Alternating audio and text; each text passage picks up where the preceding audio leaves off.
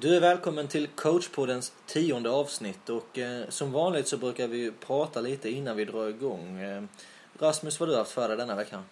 Denna veckan har det varit fullt ös på jobbet. Vi håller på att eh, rusta upp eh, butiken så eh, det är fullt ös där. Har inte blivit så mycket fotboll som man önskat. Man kan dra ett skämt där om att ni rustar butiken. Ja, exakt. Men, men det... Det gör vi inte för vi håller det hemligt.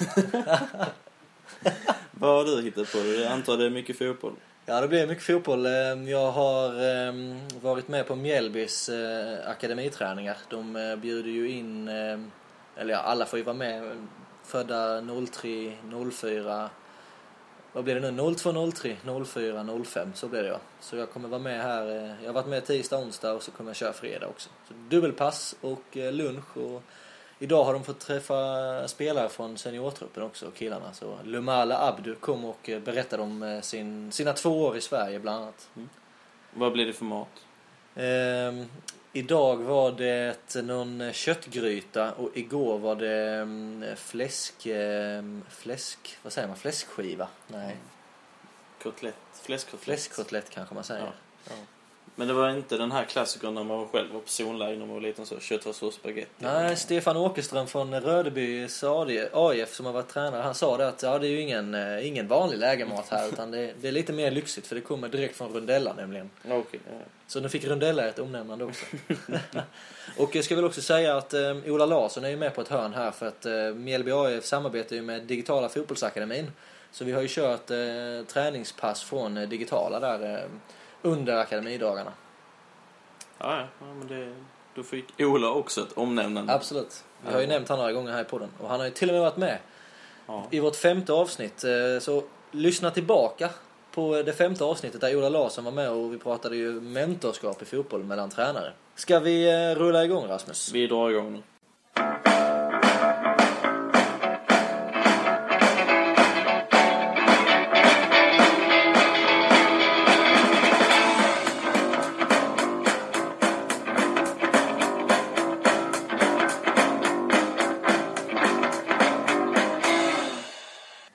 Som man sa innan så är det alltså det tionde avsnittet av coachpodden. Vi hälsar er välkomna. Dagens ämne kommer vara hur vi arbetar med målsättningar.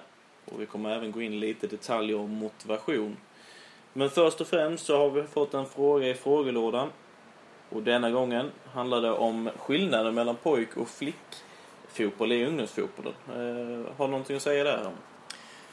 Eh, jag kommer ju direkt från dubbelpass med pojkar. Eh, och eh, imorgon ska jag ha dubbelpass med tjejer. Förra torsdagen hade jag dubbelpass med tjejer. Eh, ungefär eh, liknande ålder och ehm, ja, vad skiljer sig egentligen? Eh, om man då ska ta det ur ett tränarperspektiv så ehm, det skiljer ingenting i mitt ledarskap skulle jag säga. Från att jag coachar, eh, säg att jag har P03 till att jag har F03. Det skiljer absolut ingenting i mitt, i mitt ledarskap eller hur jag är som tränare. Men däremot så skiljer det kanske lite på spelarna. Ehm, tjejerna kanske har, ehm, de har ju samma intresse för fotbollen, de som håller på. Men min upplevelse, och det här är då min helt personliga upplevelse, är att killarna har kommit några steg längre i sin fotbollsutveckling. Och eh, anledningarna till det kan vara många och det här är ju såklart inte någonting jag generaliserar utan det är ju jätteindividuellt. Men jag tror att eh, pojkar i större utsträckning eh, tränar och eh, spelar mer fotboll, framförallt spontant, än vad tjejer gör. Det är bara den uppfattningen jag har av eh, några års eh, erfarenhet inom, inom fotbollen.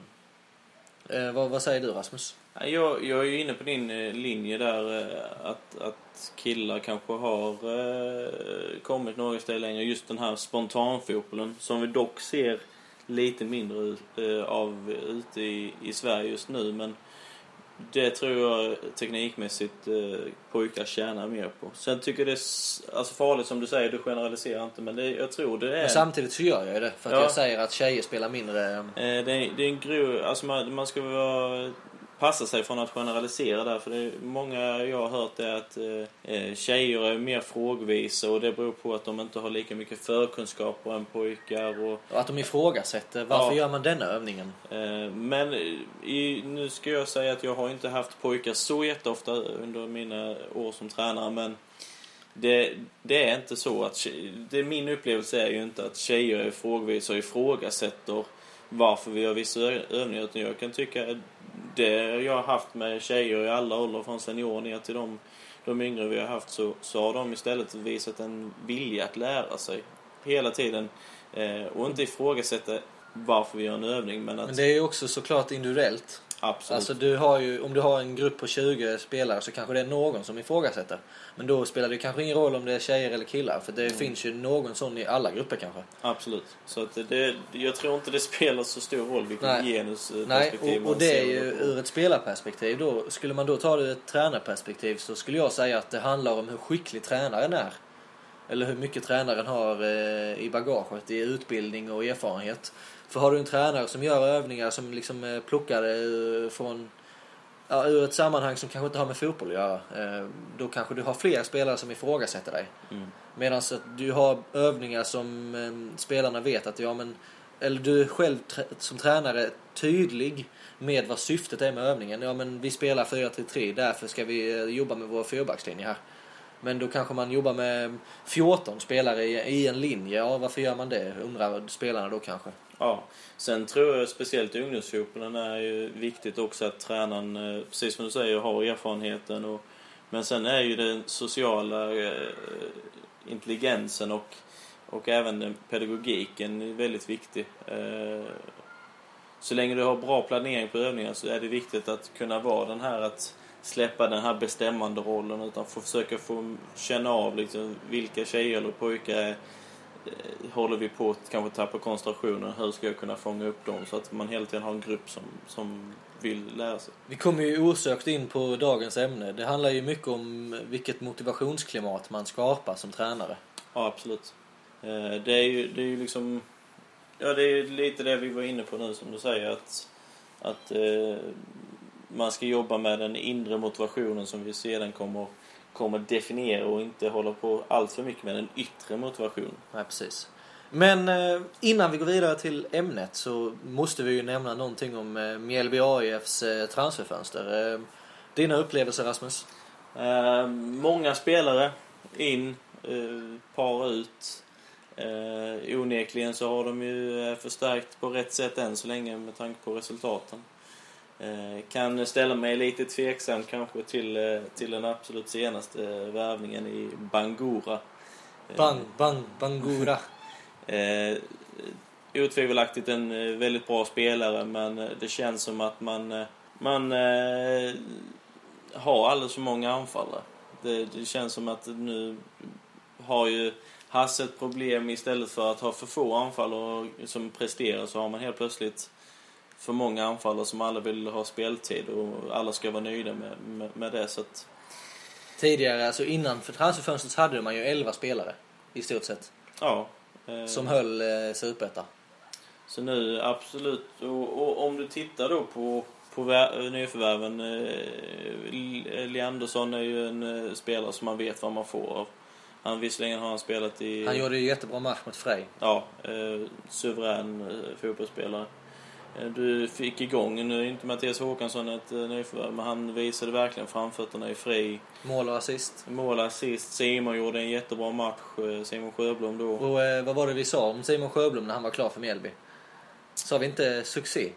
Jo, alltså jag tror vi var inne på det i alla fall. Han, Ja. han, eh, och det jag såg av matchen så gjorde han det han är bra på. Ja, Var på rätt ställe. Eh, han hade ju en farlig nick också utöver målet så att han ja gjorde en bra målchans. imponerande. Och sen så Jesper Gustafsson då. Men man måste ju säga mer om Simon Sjöblom att det är inte bara det att han gör mål. Han tillför ju en helt annan dimension i Mjällbys anfallsspel. Nu har man en uppspelspunkt. Ja, Eh, Det har man inte haft tidigare. Nu har man någon man kan sätta bollar i luften på. Simon han kan både nicka, ta duellen och få fast bollen på offensiv planhalva. Den, Absolut. den spelartypen har inte funnits riktigt innan. nej det är väl så nära man kan komma är väl egentligen Ekenberg. Men Ja, han har ju varit skadad. varit skadad ju. så, så, Möjligtvis Faddi också, men han är lite mer eh, allround skulle jag säga, Benjamin Faddi. Ja, absolut. Sen eh, förstärkningen med Jesper Gustafsson har ju slagit väl ut. Eh, jag ska säga att jag har inte haft någon eh, erfarenhet av att titta på honom innan. Nej, nej. Men han imponerar också väldigt lugn och säker mittback. Vad har man mer plockat in? Adi Terzic har man ju lyft upp från eh, U19. Ja, Eh, 97 från Olofström. Mycket duktig. Också kompletterar Jesper jättebra. Så, alltså det ser ju bra ut. Eh, Man har ju också fått samman det tycker jag på väldigt kort tid. Ja, det, det Nu, måste nu ska man, du, du, nämnde du Chippen. Ja, chippen och, men Ja. det... Men han kan ju bara vara med i tre matcher, stod det idag i tidningen. Ja. Han åker ju eh, i september igen, tror jag det var. de skulle, barnen skulle väl eh, Börja skolan. börja och, skola. och Chippen har väl någon typ av agent, eh, agentur i, eh, i Dubai, tror jag. Ja, det har jag inte hört någonting om. Nej men det jag skulle säga var ju att nu har man ju spelat här eh, Frej borta, vi, de har slagit Guys hemma. De har ju två raka segrar och innan Mm. det hade de ju 0-0 eh, borta mot, eh, var det, AFC United. Ja, jag tror det var det. Ja. Ja, nu har man ju tagit poäng här i tre raka matcher och som du säger det är mycket spelare. Jag tro, trodde nästan att du skulle gå in på att det är mycket spelare nu, nu kommer det ta tid att få ihop det. Mm. Men jag skulle nästan säga tvärtom att Mjällby just nu ser ju jättebra ut försvarsspelsmässigt. Och mot Frej så fick man också in delar i anfallsspelet som man inte har sett tidigare. Eh, Men jag tyckte att matchen mot Gais var ju ett lyft defensivt. Medan matchen mot Frej, nu kanske Frej var ett eh, mindre bra lag jämfört med Gais Mm. och man fick mer tid med bollen och så. Men jag tycker att anfallsspelet såg betydligt mycket bättre ut än vad det har gjort tidigare. Ja, det som känns med Mjällby är att de är mycket lugnare i situationer när man väl har bollen. Ja. Eh, innan känns det som att man slänger iväg bollen i hopp om att man ska lyckas få tag i den där uppe och, Ja, och ha en individuell prestation. Men nu så var man lugnare och sansad även i pressspelet. Man kom på rätt sida, lät fri kanske ha bollen lite och stressade inte upp sig när man väl vann boll. Så att, eh, Vi har ju pratat lite om det innan, eh, det här med riktlinjer. I alla fall, kanske inte i podden, men eh, när vi inte har spelat in. Vi pratar ju ganska mycket annars också. Eh, Men jag tänker riktlinjer här nu, nu, när man vet vad man ska göra med bollen, då kan man också bli lugnare med bollen. Så där är ju någonting, tror jag, eh, även i försvarsspelet, tydligare riktlinjer. Det känns som Mm. det i alla fall. absolut. Ja, Rasmus, eh, detta avsnittet ska ju inte handla om Mjällby AFs transfers, utan, eh, eller övergångar, utan det ska ju handla om inre och yttre motivation. Eh, Eller egentligen då målsättningar, hur vi kan arbeta med målsättningar. Och eh, ska vi börja med att definiera inre motivation?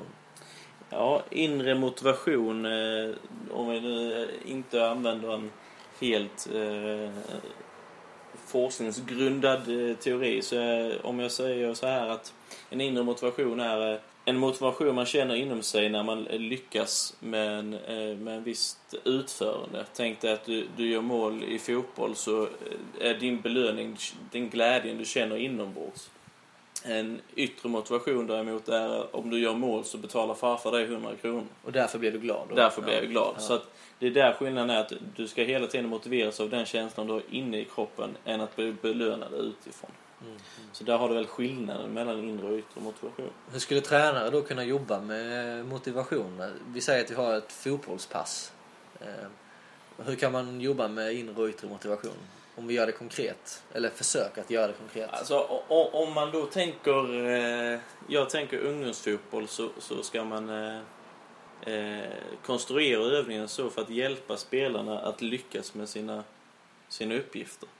Eh, ska man träna anfallsspel så kanske man ska i början åtminstone för att bygga den här motivationen att eh, ska en anfallare göra mål så ska man göra det så enkelt som möjligt till att börja med. För att den personen ska bli glad varje gång man gör mål och känna att nu vill jag göra fler mål. Eh, och därmed öka motivationen för att göra målet eller för att spela fotboll. Men konkret då i en anfallsspelsövning, vad, vad har du för tips?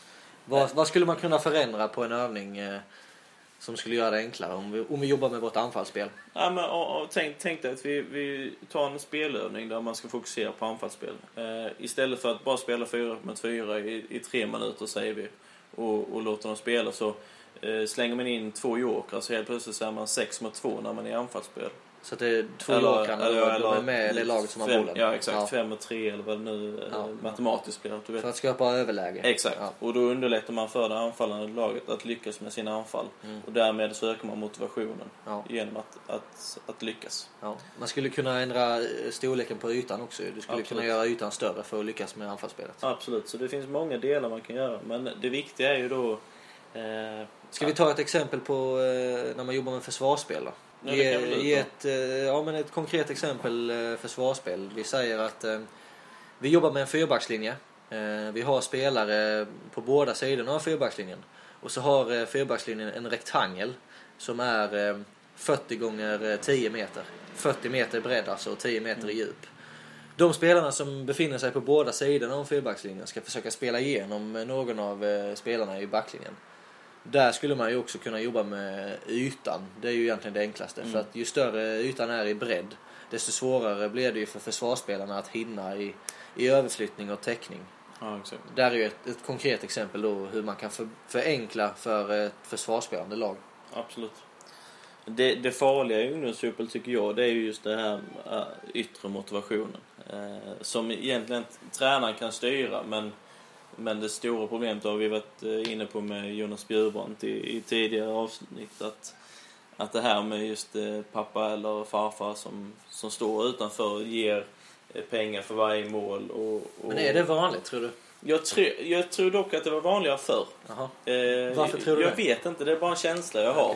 Eh, men, men, men det är ju också en generalisering kanske. Man, Ja. man, man, man liksom har hört det och sen så blir det liksom en, en, en sanning av det. Ja. Eh, men jag tror, tror det ändå är farligt att, att det händer överhuvudtaget. Det ska Ja, ju inte ja. eh, behöva eh, finnas. Eh, Men att man liksom så belönar spelarna, särskilt i ungdomsfotbollen då. Men på tal om yttre motivation så måste jag berätta en, en rolig historia som jag hörde förra veckan. Jag hade ju eh, pojkar 01 på eh, zonlägret med Blekinge fotbollsförbund. Eh, vi pratade ju med Berka förra veckan. Och så var det en kille där, eh, när han var liten och spelade femmanna. Eh, så hade han gjort 14 mål. Eh, och efter matchen, så Ahlgrens bilar är det bästa han vet då. Så efter matchen så gav hans pappa honom en påse Ahlgrens bilar. Det här var ju, det var ju yttre motivation för, för den här killen då men, men det roliga var ju att en av hans lagkamrater började storböla, alltså gråta jättemycket. För att eh, den andra spelaren då som hade gjort 14 mål fick eh, en Ahlgrens bilpåse. Jag menar att då, då har du ju dubbel negativ effekt på, eh, Ja, på målgörandet och den yttre motivationen. Ja, nej men eh, det kan, det kan slå fel alltså. Ja, det kan slå fel. Små, små grejer som gör, eh, gör att det skapar förutsättningar egentligen, eh, som vi pratar om här, för en inre motivation. Mm. Och då, då ska man ju få lyckas i, i träning. Men om vi inte pratar träning då, eh, hur kan vi skapa inre motivation till exempel genom att sätta målsättningar? Och då kommer vi också in på individuella samtal. Vi kan ju börja med alltså, individuella samtal. eh, Hur många gånger har vi haft det eh, i Lörby till exempel under en säsong? Förra säsongen så hade vi tre stycken va? Ja, jag tror det. Eh, och det är ju dels för oss tränare att vi ska veta hur situationen med spelarna är. Alltså hur, eh, hur känner de sig i träningsgruppen? Hur känner de med sin e- egna personliga utveckling? Och det är också ett läge för oss tränare att förklara så här ser vi på spelaren. De här grejerna skulle vi kunna förbättra. Det här är du väldigt bra på. Eh, och den sista punkten är väldigt viktig också att man faktiskt eh, Få med sig och höra att man är bra på Ja. någonting. för annars finns ju risken då att spelaren ser det negativa i, i samtalet istället för att få med sig den positiva delen. Ja. Eh, vad säger du Herman? Hur, hur såg ditt individuella samtal ut med en valfri spelare i Lörby? Jag tror att det är viktigt att sätta eh, först och främst en tidsram. Vi skulle kunna köra ett individuellt samtal här i, i podden, eh, Rasmus. Eh, välkommen Rasmus. Eh, jag kommer hålla ett individuellt samtal med dig. Eh, vi har eh, 20 minuter på oss. Det är, det är max liksom. Det Mm. behöver inte ta 20 minuter men eh, vi håller oss till 20 minuter för att vi ska skapa bra förutsättningar för oss båda. Så Yes. att vi inte sitter och blir trötta. Japp. Eh, Rasmus, eh, hur har du upplevt den senaste tiden i laget? Jag tycker det har gått bra. Eh, resultaten har väl varit sådär. Eh, och man märker tydligt i gruppen att, att det inte eh, blir allt för bra stämning efter, efter matcherna när vi har förlorat eh, så pass mycket vi har gjort. Men eh, jag tycker ändå det, det har gått bra. Du nämnde att eh, stämningen kanske var nere. Skulle du kunna berätta lite mer om hur det ser ut efter en match till exempel? Men det är liksom senare, om vi säger innan en match så, så känns det som att alla spelarna är, vi i gruppen är eh, motiverade för att vi vill vinna nästa match och vi har gett oss fan på att vi ska vinna. Men förlorar man då så, så kommer man till träningen, det är inte alls de här glada minerna. Eh, känns som att eh, gruppen blir tystare, mer liksom, känner nästan att de, de Jag blir lite osäker på våra roller här nu. Är du tränare eller är du spelare? jag är väldigt analytisk för att Ja. vara spelare kanske. ja. Eh, Nej men eh, säg att du är spelare då. Mm. Eh, ja men Rasmus, eh, vad tror du att du skulle kunna göra för att höja stämningen? Eh, alltså, det är ju okej att vara besviken efter en match när man har förlorat. Man måste ju få visa känslor också. Men vad tror du, du, du nämnde ju träningen efter sen att det var sådär stämning. Vad skulle du själv kunna göra för att höja stämningen?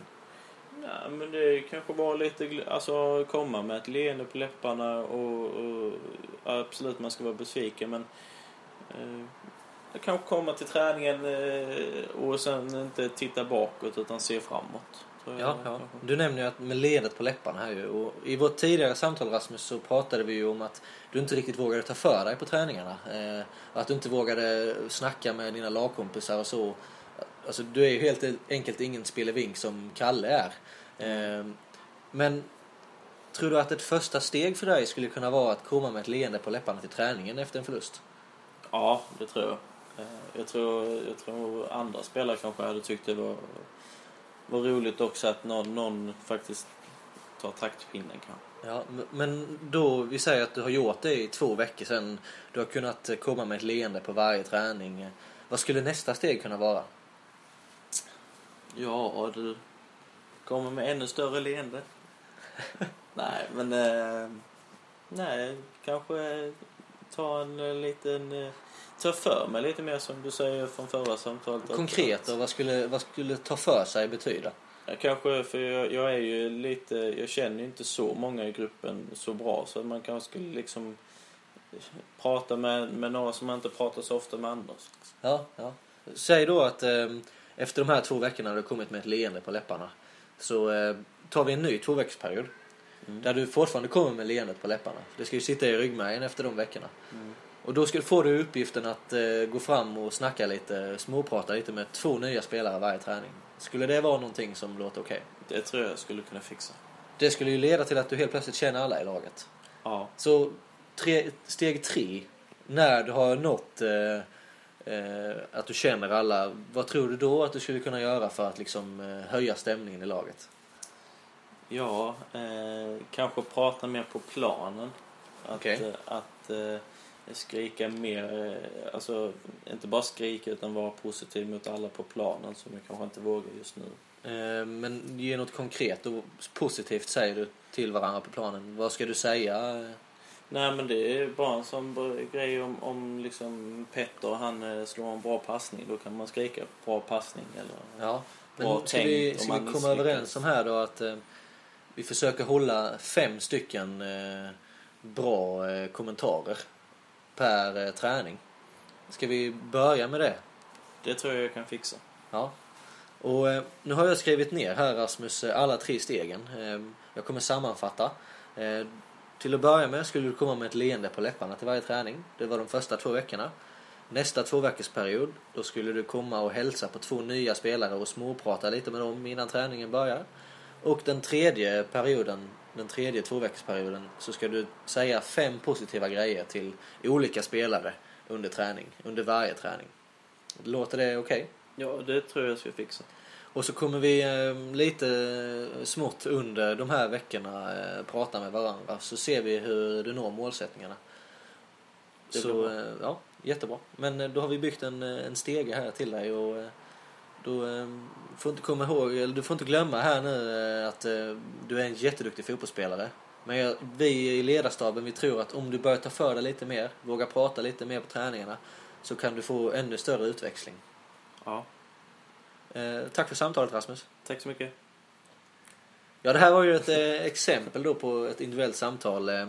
Och jag menar ju då Rasmus, du frågade ja, men hur jobbar du med individuella samtal? Frågade du mig då. Och min tanke här var ju då att jag försöker bygga en, eh, en trappa med små, små steg. Eh, så att Rasmus då i detta fallet, eh, spelaren i, i det påhittade laget, ska kunna ta små steg och känna den inre motivationen. Sen uppföljningen ska jag ju ärligt säga att den har varit för dålig från min sida. Vi var ju i Turkiet på träningsläger Mm. med Löbys damlag under en veckas tid. Och där satt jag ner med 20 spelare i alla fall. Vi delade ju på truppen. Mm. Och så byggde jag en trappa med dem. eh, Och då var det ju både resultatmål, alltså ett exempel på ett resultatmål är ju att eh, jag ska spela i A-laget från start när första seriematchen börjar. Och då är det ju mer realistiskt för andra än vad det är för en del. Eh, Och då måste man ju hitta små steg för att de ska nå dit. Mm. Och ett, ett processmål ska ju vara kanske att man ska, man ska träna fem frisparkar varje träning under tre månader. För att då kommer troligtvis leda då till att du kommer ha bättre frisparkar. Mm. Och ett eh, prestationsmål är kanske att man ska göra sitt bästa på varje träning eller att man ska sätta tio passningar här. Det kanske är mer resultat. Eh, Ja, Ja, eller så att prestationsmål liksom... att- Ja, det, det är Det- väl det den svåraste, det det. Ja. svåraste delen att definiera av de två Ja. målen. Men eh, prestationsmålen är väl eh, egentligen att, eh, om vi säger ett lag, vi har som mål att släppa in färre mål än vad vi gjorde förra året. ja, det är ju resultat. Det är resultatmålet. Prestationsmålet är ju då att vi ska göra det genom att eh, träna eh, Att bli kompakta. att bli kompakta. Och sen Ja. processmålet då är att hur vi ska jobba så här för att bli mer kompakta så Ja, vi släpper in färre ja, mål. Det leder ju till det. ju. Ja. Ja. Om vi nu var tillräckligt tydliga där, jag vet Ja, inte. Men, ja. Det var ett försök, ja. ja, precis. Så att, då menar jag att i det individuella samtalet så försöka hitta olika målsättningar Mm. eh, i en trappa. Som kanske då leder till att man eh, ja, spelar i en högre serie eller att man eh, tar en plats i Löby IFs damlag till exempel. Det viktiga som, i den här trappan som du säger också är just det här att man ska aldrig eh, ha för höga trappsteg. Utan då är det bättre att sätta, som du säger, två veckors period och ta ett litet, litet kliv. För då får du ju, som du säger, den här inre motivationen att fan, jag har lyckats med detta under de här två veckorna. Nu ska jag ta nästa steg. Mm. Och då bygger man upp den här inre motivationen steg för steg. Men som ungdomstränare då, du har eh, två gånger 90 minuter i veckan. Hinner man med detta? Det är ju det tuffa. Ja. Det är ju liksom... Jag har 30 spelare, vi är tre ledare. Ja men då kanske man har 10 spelare var. Det kanske inte är jättesvårt att hålla reda på. Eh, Nej, alltså... Man skulle ju kunna ha målsättning per månad kanske. Ja, eh, men det viktiga är ju också då att man inte avsätter alldeles för mycket träningstid till. Nej, nej.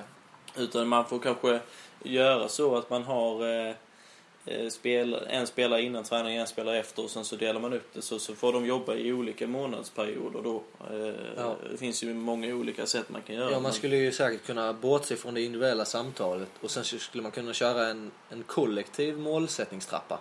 Absolut. Det, Att ha ett leende på träningen kan ju vara första steget liksom. Att alla, ja, nu ler man ju inte hela tiden när man spelar fotboll men det är ju ett exempel i alla fall. Ja, Ja.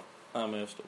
Jag, eh, jag skulle vilja återkoppla lite också till ehm, förra avsnittet, av, nionde avsnittet ehm, och varför jag gör det med eh, individuella samtal och inre och yttre motivation är för att jag och eh, Sven-Ulf Bergman som kallas Berka då från Blekinge Fotbollsförbund vi pratade lite om det här ehm, att alla inte får vara med på, ehm, på zonläger och i elit, på elitläger som nu mer kallas Halmstadlägret då men och där eh, mötte jag för några år sedan en, en intressant problematik. Då satt jag och gjorde utvecklingstrappa med två spelare. Ehm, Och deras högsta målsättning var att komma med i Blekingelaget. Och jag, jag förstod inte hur kan det vara er målsättning? De, liksom, de såg fram till eh, Halmstadlägret, sen fanns det inte mer liksom. Jag Mm. frågade dem, vad finns efter det? Eh, nej, jag vet inte. Men jag, jag menar att eh, efter podden jag hade med Berka så fortsatte vi prata lite nämligen. Mm. Och eh, då var bland annat detta. Vi nämnde ju att ungdomstränare och föräldrar ska vara tydliga med att eh, det, är inte, det gör inte så mycket om man inte kommer med på Halmstadlägret. För att Zlatan Ibrahimovic, Henrik Larsson, eh, Christian Chippen Wilhelmsson, Mattias Asper, Patrik Bagan Rosengren, Johan Mjällby med? Johan Mjällby. Ja, med lite restriktion på vilka namn vi säger men de spelarna vi nämnde nu, nästan alla av dem i alla fall, var inte med på Halmstadlägret. Så att det betyder ju inte allt för din fotbollsutveckling. Nej, det, och det, det är ju det som kanske är just det, det svåra också, är just det här att man måste... Kan man säga att man ska öppna ögonen för spelarna? Eller, Ja. öppna, eh, eller vidga gränserna vidga deras begränsningar. Skulle man För, säga. jo, för att jag har ju intressant också som, jag är ju, eh, jag gillar inte uttrycket men lokal talangutvecklare Ja. eh, på Blekinge fotbollsförbund och, och efter första träningen jag hade med, med de tjejerna, i- flickor 13 då, så, så var det inte det här, åh vad rolig träning, eller, utan det var första de frågade var, när blir uttagningen till Blekingelaget? När Ja. blir uttagningen till ditt och det? Så det, det är intressant, hur ska vi påverka då eh, både tjejer och killar då till att inte tänka eh, i det elitistiska perspektivet att man hela tiden ska bli uttagen dit. Vad betyder det? Du får förtydliga för mig. ja, det här elitistiska, jag tror, jag tror det är ett eh, ord i alla fall, men eh, det låter fint i munnen. Nej, men just det här att man, man hela tiden eh, ska tävla mot andra för att jag ska bli uttagen dit och, och jag ska bli uttagen till det laget och det... Det, Kanske inte alltid kommer är i sinom, negativt. Nej, nej, men det kommer i sinom tid menar jag. Alltså Ja. är man 12-13 så det är inte det man ska tänka på då. Nej. Då ska man tycka det är roligt att spela fotboll. Det är då man ska liksom vilja bara utveckla sig och förstå och, och lära sig där. Det andra kommer med tiden. Ja. Men, Men det har vi ju vi är tufft. så jäkla kluvna. Eller jag är kluven. Hur ska man jobba? Alltså, eh, jag lyssnade på Andreas Georgsson som är eh, ungdomskoordinator i MFF Ungdom. Han eh, gästade Stadionpodden. Ni hittar, bara googla Stadionpodden eh, som pratar Malmö FF då. Han menar ju att eh, är man inte tillräckligt bra så får man inte vara kvar i Malmö FF. De har ettårsavtal från, eh, om jag inte säger fel nu, åtta år och uppåt. Och då har de liksom kanske 16 spelare, de 16 bästa just nu, varje år.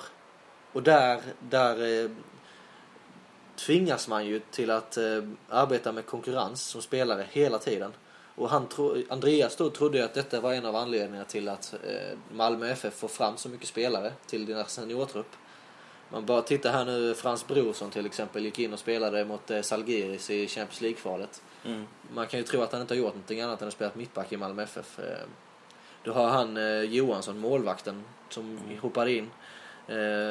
Och Malmö FF ligger ju då 46 i världen på flest antal, alltså som tar flest, tar fram flest antal elitspelare. Mm. Om jag inte säger fel, men jag tror att det är så.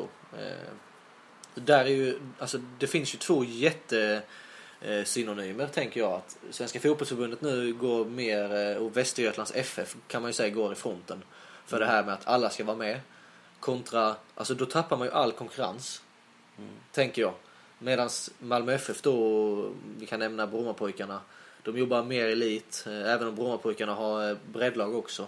Eh, Men de plockar ut det bästa då, nummer ett liksom. Eh, Och då får man ju en annan aspekt i det. Eh, Sen hur bra spelarna mår av konkurrensen. Det är ju också, alltså, jag tänker att det, det är så jäkla stor diskussion så vi ska inte diskutera det här men Nej, men det, det är ju intressant och, och hade man haft svar på det så... ja, då hade vi inte suttit här. Nej, exakt. Nej. Utan, men det, det ligger ju i den här svenska eh, linggymnastiken Ja. långt bak i idrottshistorien. Att Ja. Det är liksom att alla ska ha rätt till att idrotta och, och, och det ligger djupt rotat i varje svensk. Ja, men vi, vi har ju svävat iväg här lite nu känner jag. Från, från de individuella samtalen Vi eh, blir, till, vi blir eh, lite större i vårt till, ja lite större. Ja. Spelarutveckling här, eh, elit kontra bredd hamnade Ja. vi till och med i. Ja, det kan vi ta ett annat avsnitt. Ja, då får vi ju ha lite, lite debatt med lite intressanta gäster kan jag tycka. Ja, absolut. Eh, vi pratade individuella samtal. Eh, ett tips skulle kunna vara att jobba med målsättningstrappa. Eh, små målsättningar som gör att vi skapar den inre motivationen. Eh, farfar och pappan till våra spelare ska inte handla, ge dem en hundralapp per mål. Ja, inte ens en tio. Inte ens en tia, för då blir det yttre motivation. Och då Ja. vill man bara göra mål för att man tjänar pengar på det. Ja, Och det gör man ju i längden ändå. Men, om man blir riktigt bra. Ja. Ja. Så har jag en eh, grej till bara för det. Eh, jag lyssnade på Marcus Näslunds sommarprat. Och där hade de en, eh, en rysk spelare. Jag kommer inte exakt ihåg vad han hette. Men Marcus Näslund hade spelat ihop med honom i Vancouver Canucks. Och han spelade bara hockey för pengarna. Han var alltså avlad hockeyspelare. Han hade blivit eh, tagen som pojk av staten Ryssland eller Sovjetunionen på den tiden då. Och blivit, ja, vad ska man säga? Han hade blivit ivägkörd från familjen och bara blivit liksom med de bästa tränarna. Du ska bli proffs. Ja, men det, så fungerar det. Alltså Kina också är ju också ett Ja, eh, ja, nu svävar vi iväg igen men Men, nej, det här med att göra det för pengarna. Ja, det blir så intressanta diskussioner. Men, men, Ja. men eh, jo, det, det finns ju säkert de också som... eh, Och man hör ju många fotbollsspelare också eh, i, i, i världsfotbollen som liksom... De, de gjorde det för att familjen ska ha det bra där hemma. Ja, och där kommer vi in på en, eh, ännu en intressant aspekt i svensk fotboll. Har vi det för bra för att bli bra fotbollsspelare? Ja, man då jämför med så här Uruguay eller eh, Brasilien, Argentina. Det, alltså, Uganda som eh, Lumal Abdi kommer Ja, från. Jag har gått liksom- genom hela Europa. Jag gör allt för en chans. Ja. Titta så här Roberto Carlos när han var yngre. Han är Gatubarnen, spelar liksom fotboll med en 5 kilos medicinboll. Ja, ja, det är inte så konstigt att han skjuter frisparkar som han gjorde. Men... Nej, nej. Så, ja, och det kan vara, kan vara en eh, anledning. Jag Ja. säger inte att det är det. Men, Ja, eh, vi måste gå vidare. Vi måste gå vidare. Vi går vidare till eh, vårt eh, sista moment.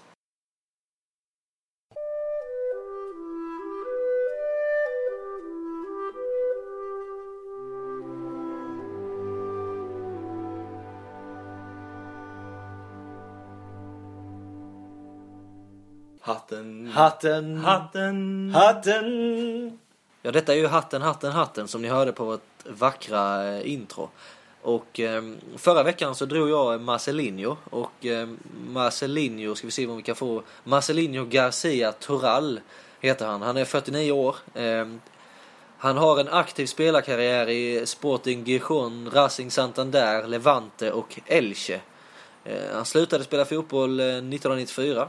Eh, han eh, har coachat bland annat då säger vi Sporting Gijon mellan 2003-2005, Recreativo mellan 2005-2007, Racing Santander 2007-2008. 2008-2009 var han i Zaragoza. Sen var han en sväng i Racing igen. 2011-2012 höll han i tyglarna för Sevilla. Och från 2013 har han då, ja fram tills idag, coachat Villarreal med eh, bra resultat måste man ju säga. Eh, Han har ju lyft laget från eh, nedre regionen till eh, den övre regionen och eh, vad ska vi säga om hans, har han några meriter? Ja, han har väl... Ser ut som det bästa manager, Segunda Division. 2005-2006 när han var i Recreativo Huelva. Ja. Annars har vi inte mycket mer än att Villarreal har lyft sig under Marcelinho och eh, spelat en attraktiv anfallsfotboll. Eh, så mycket kan vi säga. Eh, Hoppas det går vägen för honom. Jag Ja. gillar när man liksom har lite, om man nu ska säga för gemene man, okända eh, tränare som, ja, absolut.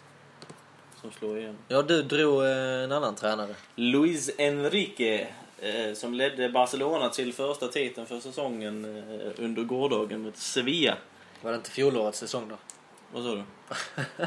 Supercupen är väl, eh, tillhör väl eh, förra säsongen? Ja, jo, men jag, jag, jag tror att den räknas till. Ja, Ja, i alla fall.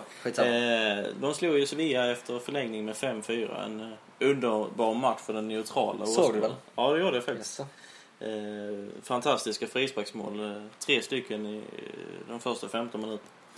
Eh, Luis Enrique Martinez Garcia eh, föddes 1970 i Gijon. Eh, och är tränare i Barcelona som jag sa i förra avsnittet. Han har ju faktiskt spelat i Real Madrid också. Det är ju en av de spelarna som kanske inte gillas för det. Eh, han var ju mittfältare när han spelade. Och deltog i tre världsmästerskap, 94, 98 och 2002. Eh, och var med även i OS i Barcelona 1992. När Spanien faktiskt vann guld för. För det var väl att de var med för att det var deras hemma-OS då antar jag. Okej. Eh, han har spelat i Sporting Dijon som sagt, Real Madrid innan han tog steget 1996 till Barcelona. Han har gjort fler matcher i eh, Barcelona än Real Madrid. Ja, så det blev väl mer en Barcelona-legend eller vad man nu ska säga. Ja. Eh, 96 gick han alltså till Barcelona och då var det faktiskt eh, engelska tränaren Bobby Robson som var tränare. Sir Bobby. Mm, Sir Bobby.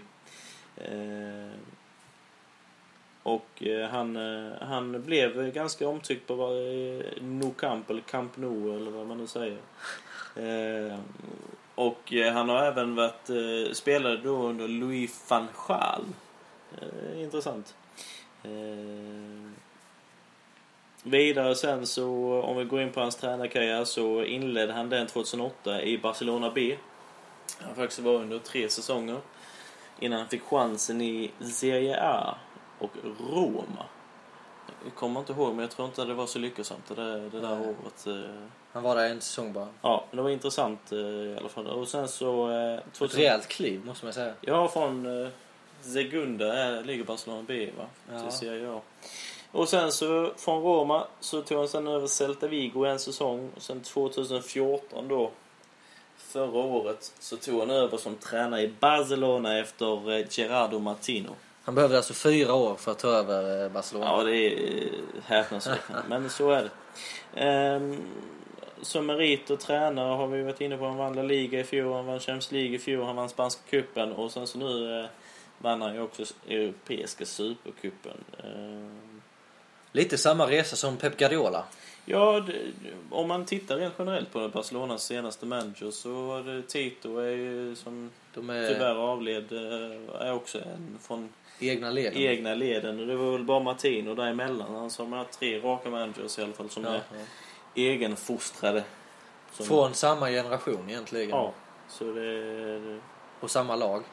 Vad har de gemensamt? Vilken tränare har de haft? ja, det blir ju Fanchal... Spelar, Guardiola spelar då... José. Mourinho kommer ju också från den tiden när Sir Bobby Robson var där ju. Ja. Han var tolk. Eh, rätt intressant också att när Frank Rijkaard var tränare i Barcelona så spelade faktiskt Luis Enrique fortfarande. Så att det, eh, och Mark Overmars, ja, det. Ja, vi får dra nya namn. Vi får dra nya namn. Yes. Ehm, ska jag börja då? Nummer 16 drar jag här på listan och eh, det är ju faktiskt Louis van Gaal som du har nämnt eh, Rasmus. Eh, Van Gaal eh, som ni alla vet är ju just nu i Manchester United. Eh, vad kom de? Kom de fyra förra året va? Eh, för de kvalar ju i just Champions ja, League. de. Mm. Eh, Så de ska ju ut i Europa igen. Det är ju lite trevligt. Nej, det tycker jag inte. Nej, vi håller ju inte på United och vi hoppas ju inte att det ska gå bra för dem heller. Så att... Innan det så var han ju holländska landslaget. Ehm, final va? Ja, 2010... eller? Nej men i senaste mästerskapet. Eller när, när åkte de Holland? Var det semifinal? Semi åkte de. Det var Tyskland och Argentina i finalen nu senaste VM. Ja så var det ja. EM 2012 var det inte... Jo, det var det väl Spanien, Holland. Var det inte det? Ja det kan det ha varit. Men var han där då? Nej, det var nog han Bertrand Malvi. Ja. Malvik. Ja, ja. För jag, ehm, jag läser ju mycket från Raymond Verheyen.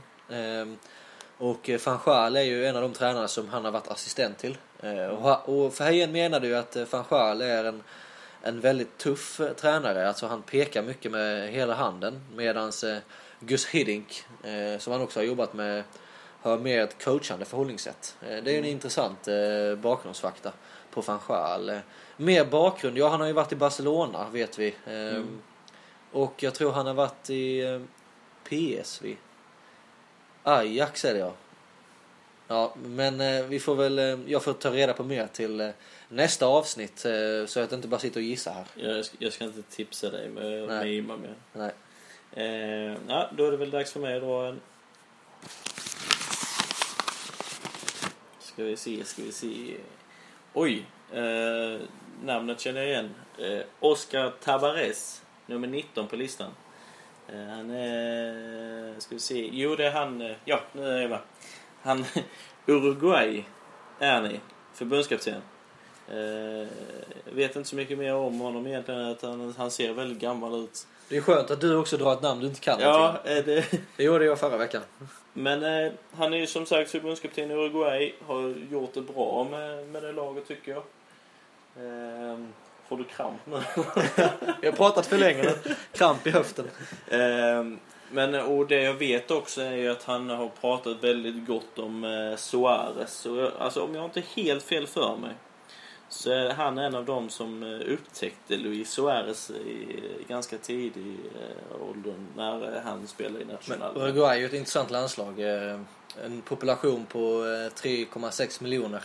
Ja, Man, är, man är rankad i alla fall topp 10 i världen ju. ja de, är, de har gjort fantastiskt. Eh, Men nej, annars vet jag kanske inte så mycket mer än att han eh, har haft en förkärlek att spela lite 3-4-3 också, något mästerskap. Du Men- kunde ju en hel del ändå ju. Ja, men Uruguay som eh, för övrigt vann det första världsmästerskapet någonsin. 1930. Ja, ja, kan det vara det? Eller 30, jo 30. Jag vet inte. Ja, det var ju Uruguay i alla fall. Ja, 1930 tror Ja, jag. de har vunnit några gånger till tror jag. Om min morbror skulle lyssna på detta så är de lite arga om jag hade fel. Okej. Men eh, vi får ju faktiskt avrunda vårt tionde avsnitt. Vi har hållit på i 11 veckor. Vad, vad säger vi om det? Det är ju fantastiskt. eh, Och det som gör det ännu mer fantastiskt är ju faktiskt att folk orkar lyssna. I alla fall på mig. Men, eh, Ja. Sen, eh, eh, nej, men det är skitkul. Jag tycker det är alltid lika inspirerande att sitta här och prata om man skulle kunna hålla på i flera timmar. ja. Som ni märker så har vi ju massa ämnen på, eh, på lager. Men eh, vi vill ju försöka hålla oss eh, till ett ämne. Men det är svårt ibland. Ja, det är det. Absolut. Fortsätt eh, skicka frågor till frågelådan. Det kan ni göra via Twitter, via Facebook eller vår hemsida. Ni kan också mejla. Vår mejladress hittar ni på hemsidan tror jag. Eh, annars så följer ni oss på Facebook under coachpodden. Ni följer oss på Twitter under coachpodden. Och eh, gå in och titta på vår hemsida så eh, kan ni läsa vidare om våra avsnitt. Vi lägger ut lite länkar och lite artiklar och sånt eh, kring de flesta avsnitten. coachpodden.se Annars har vi väl inget mer? Nej. Nu taggar vi för eh, kvällen och ser vad den har att erbjuda. Ja, lycka till med kvällen Rasmus. Tack så mycket. Tack, tack detsamma tänkte jag säga. Men ja, vad du än ska göra så Ja, tack, tack. lycka till. Ja, vi hörs. Ha det gott.